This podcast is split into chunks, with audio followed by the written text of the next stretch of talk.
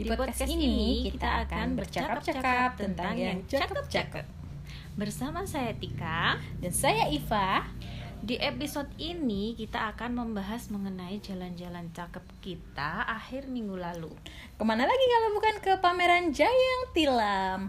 Nah, jadi teman-teman saat ini sampai tanggal 30 Desember di Museum Sono Budaya itu ada pameran yaitu pameran Jayang Tilam, sastra lisan dan pembentukan identitas lokal.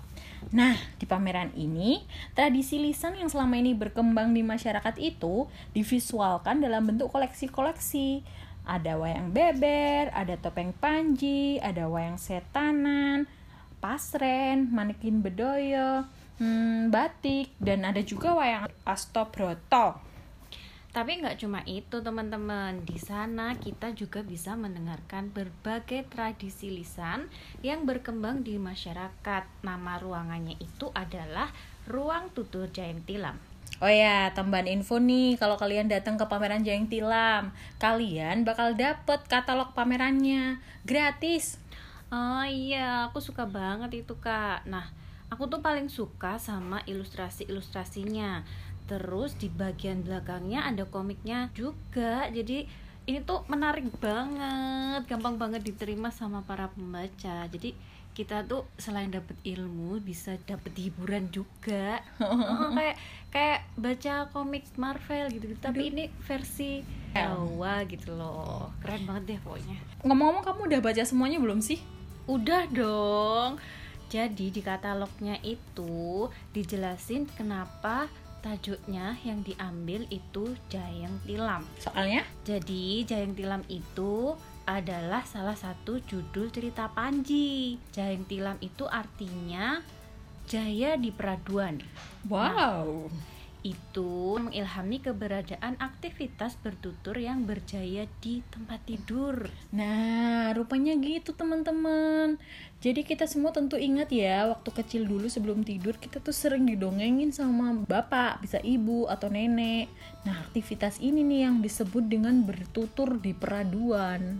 Kalau aku dulu tuh biasanya kalau nggak mau tidur siang tuh loh kak jadi diceritain dulu biar hmm. biar ngantuk gitu loh dan ternyata, akhirnya kita ketiduran ya di tengah-tengah oh, oh. ceritanya itu wah ternyata tanpa sadar kita itu udah pernah melakukan tradisi lisan. Bener banget nih, dan pasti teman-teman yang lain juga nggak sadar kalau itu tuh sebenarnya kita udah bertradisi lisan. Ngomong-ngomong nih, kalau dari koleksi peruangannya kamu paling suka yang mana nih? Sebenarnya koleksinya bagus-bagus semua sih, aku suka semuanya tapi yang paling aku suka itu pas di ruangan perempuan dan kisah ratu di Jawa Selatan. Itu yang menurutku paling, paling oh itu yang ruangannya yang ada manekin bedoyonya ya? Oh, bener-bener suka banget aku lihat manekinnya detail banget dia tuh. Siapa sih yang buat itu? Oh, aku pasti orang aku, zaman dulu kalau yang itu kayak iya sih aku miss banget karyanya luar biasa. Kayak bener-bener hidup gitu loh kak. Terus tangannya tuh posenya ngiting kayak penari beneran. Seolah-olah kanjeng ratu kidul merasuk di sana ya. Iya kak. Tapi aku baru tahu loh kak kalau ternyata Kanjeng Ratu Kidul itu merasuk ke tubuh para penari bedoyo itu. Iya, jadi katanya Kanjeng Ratu Kidul itu istrinya raja-raja Jawa yang keraton e, turunannya Mataram tuh loh kayak Yogyakarta sama Surakarta. Mm-hmm. Nah, tarian bedoyo itu kan termasuk tarian sakral di dua kerajaan itu. Di tarian ini tuh penarinya tuh ada sembilan. Terus nanti pas sudah nari di panggung itu katanya bakal ada sepuluh penari yang salah satunya adalah perwujudan Kanjeng Ratu Kidul. Badannya tuh akan bercahaya hijau Wow. Hmm, mistis banget. Kalau yang aku tahu tentang Kanjeng Ratu Kidul itu malah yang kaitannya sama itu loh kak mitos kalau kita itu kalau ke pantai nggak nggak boleh pakai baju warna hijau. Oh iya aku pernah denger sih itu. Dulu pas aku kecil sering banget Simbah tuh nyeritain soal ini pas malam-malam mau tidur gitu. Kan aku tinggal di Pacitan tuh. Di sana kan banyak banget pantainya zaman kecil hmm. kalau aku mau ke pantai sebelum berangkat tuh selalu diingetin dilarang pakai baju warna hijau. Selalu ya? Kalau simbah bilang katanya ora becik. Istilah Jawanya kayak gitu ya, kayak bener, gitu. sering denger itu. Soalnya warna hijau itu warna kesukaannya kanjeng ratu kidul nanti kalau pakai baju hijau kita bisa dibawa ke sana ke kerajaannya pantai selatan. Kan serem. Masuk akal juga sih ya tapi soalnya kan pantai-pantai di Pacitan tuh masuknya masih pantai selatan ya. Jadi masih di lingkup kekuasaannya Ratu Kidul. Iya bener banget. Dan sampai sekarang pun aku juga masih percaya sama pesen itu. Nggak pernah aku pakai baju warna hijau kalau ke pantai.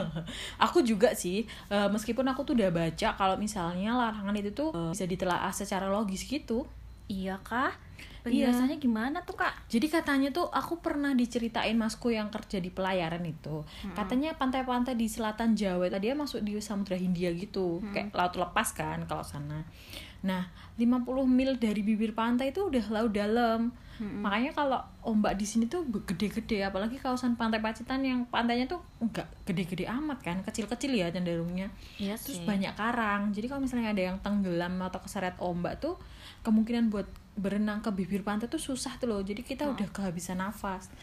Nah kalau misalnya kita pakai baju hijau itu tuh warna kita tuh kayak istilahnya nyaru ya uh, sama dengan warna, warna air laut. Iya, oh. jadi bakal susah ditemuin. Oh. Makanya kalau kita ke pantai kita tuh diminta pakai baju-baju yang mencolok warna merah. Jadi kalau kita ke bawah arus tuh kelihatan. Duh, jangan sampai lah ke bawah arus kak. Ya, amit amit, amit amit. iya. Wah, ternyata dari mitos-mitos yang kita dengar dari Simbah dulu itu kayak yang, yang kayak kita mikirnya ih apa sih nggak masuk akal tahayul iya, gitu oh. ya ternyata kalau dilarang di nalar sorry emang bener ya ada benernya juga gitu loh.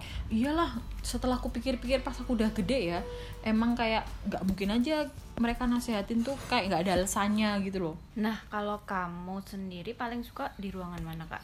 Hmm, aku paling suka tuh yang berkesan banget ya. Hmm. itu yang ruangan setra gondomayat loh yang wayang-wayang setanan.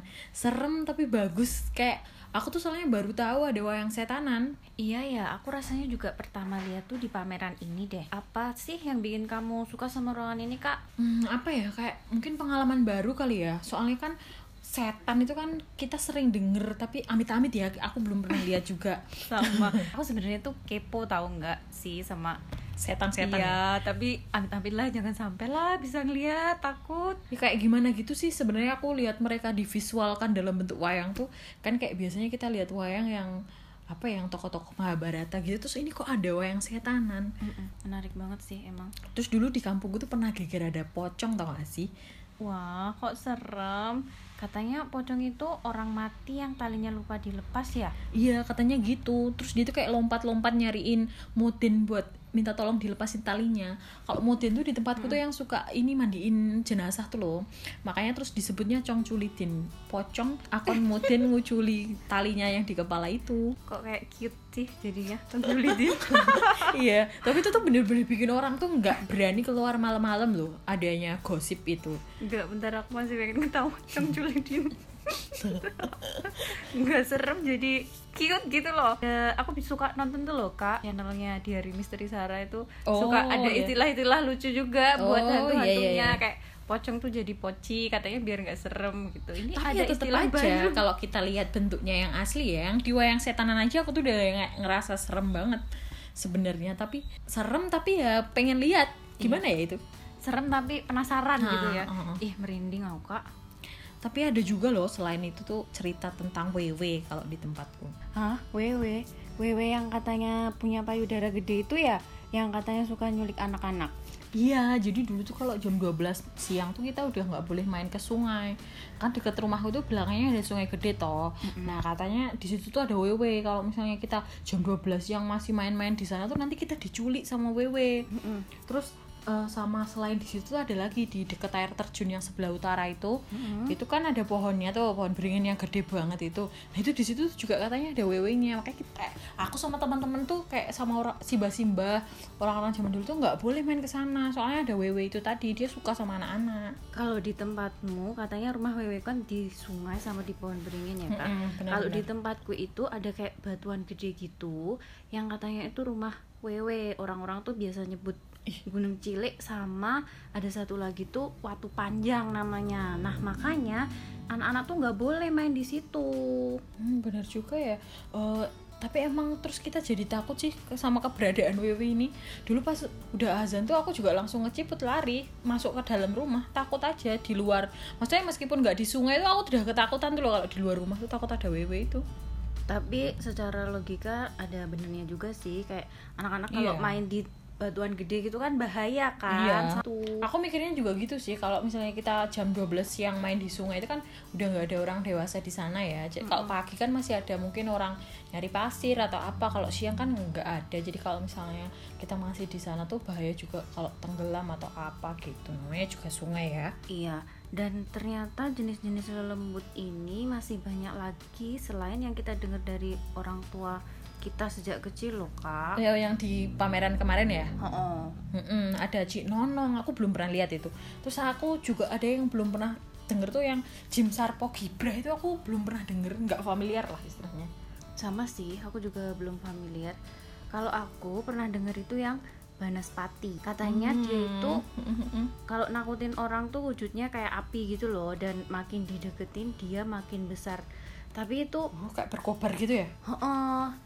Tapi itu aku pernah dengar cerita di kisah tanah Jawa itu loh kak. Itu tuh katanya tuh Mm-mm. eh, energi emosi dari tiap-tiap orang.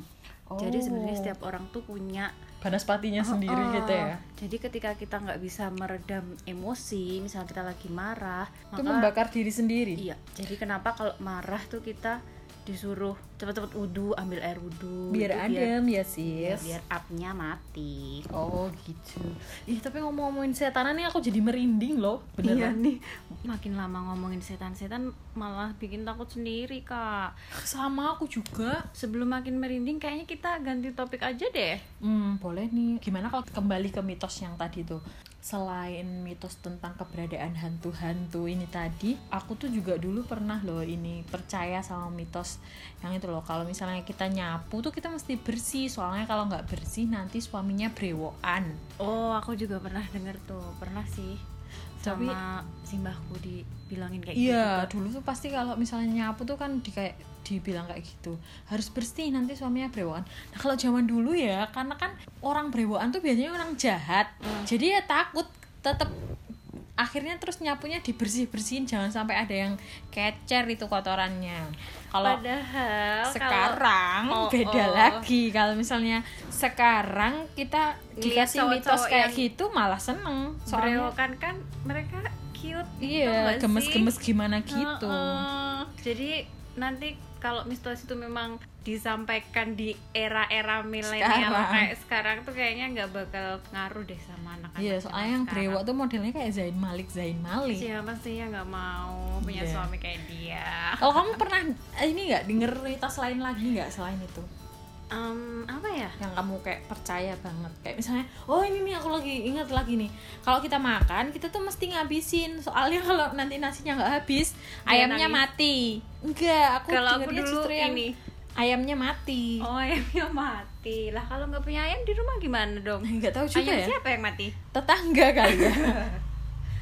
Oh ini aku inget kak dulu tuh suka dibilangin kalau makan jangan di tengah pintu. hmm. Nanti kalau nggak nurut kamu bakal kualat.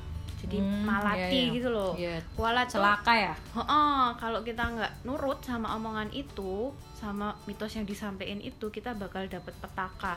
Entah ntar jatuh lah, kepleset lah, atau mungkin sial kayak gitu kak. Jadi Hmm. kita mau ngelakuin kan jadi mikir, Iya. aduh takut juga nih, ntar aku kualat gimana ya?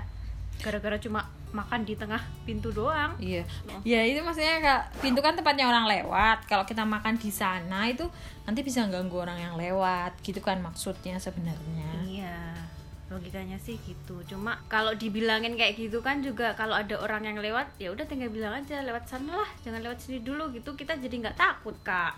Kalau dibilang ntar kualat loh, kamu ntar kena celaka loh kalau Iya. nggak dengerin gitu kan kita jadi malah takut. Nah, itu kalau misalnya di katalognya Jayang Tilam ada juga salah satu penulis yang nulis itu di posisi seperti itu tuh mitos menempati fungsinya sebagai mm, ini alat untuk melarang secara halus.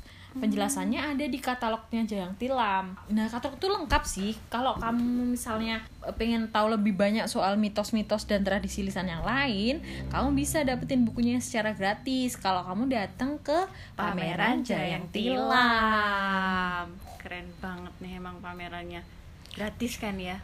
Oh, jelas. Padahal kan itu kalau dinilai secara edukasinya kan Tinggi mahal, banget, tinggi oh. banget. Udah. Hanya dengan datang ke pameran ini, ke Jayang Tilam ini kita dapat Sepaket gratis, lengkap. tis, tis, tis. Edukasi dapet, refreshingnya dapet, dan yang terpenting meskipun pameran Jayang Tilam ini dilaksanakan pada masa COVID ya, Mm-mm. tapi dia juga e, menerapkan protokol kesehatan yang lengkap loh di sana.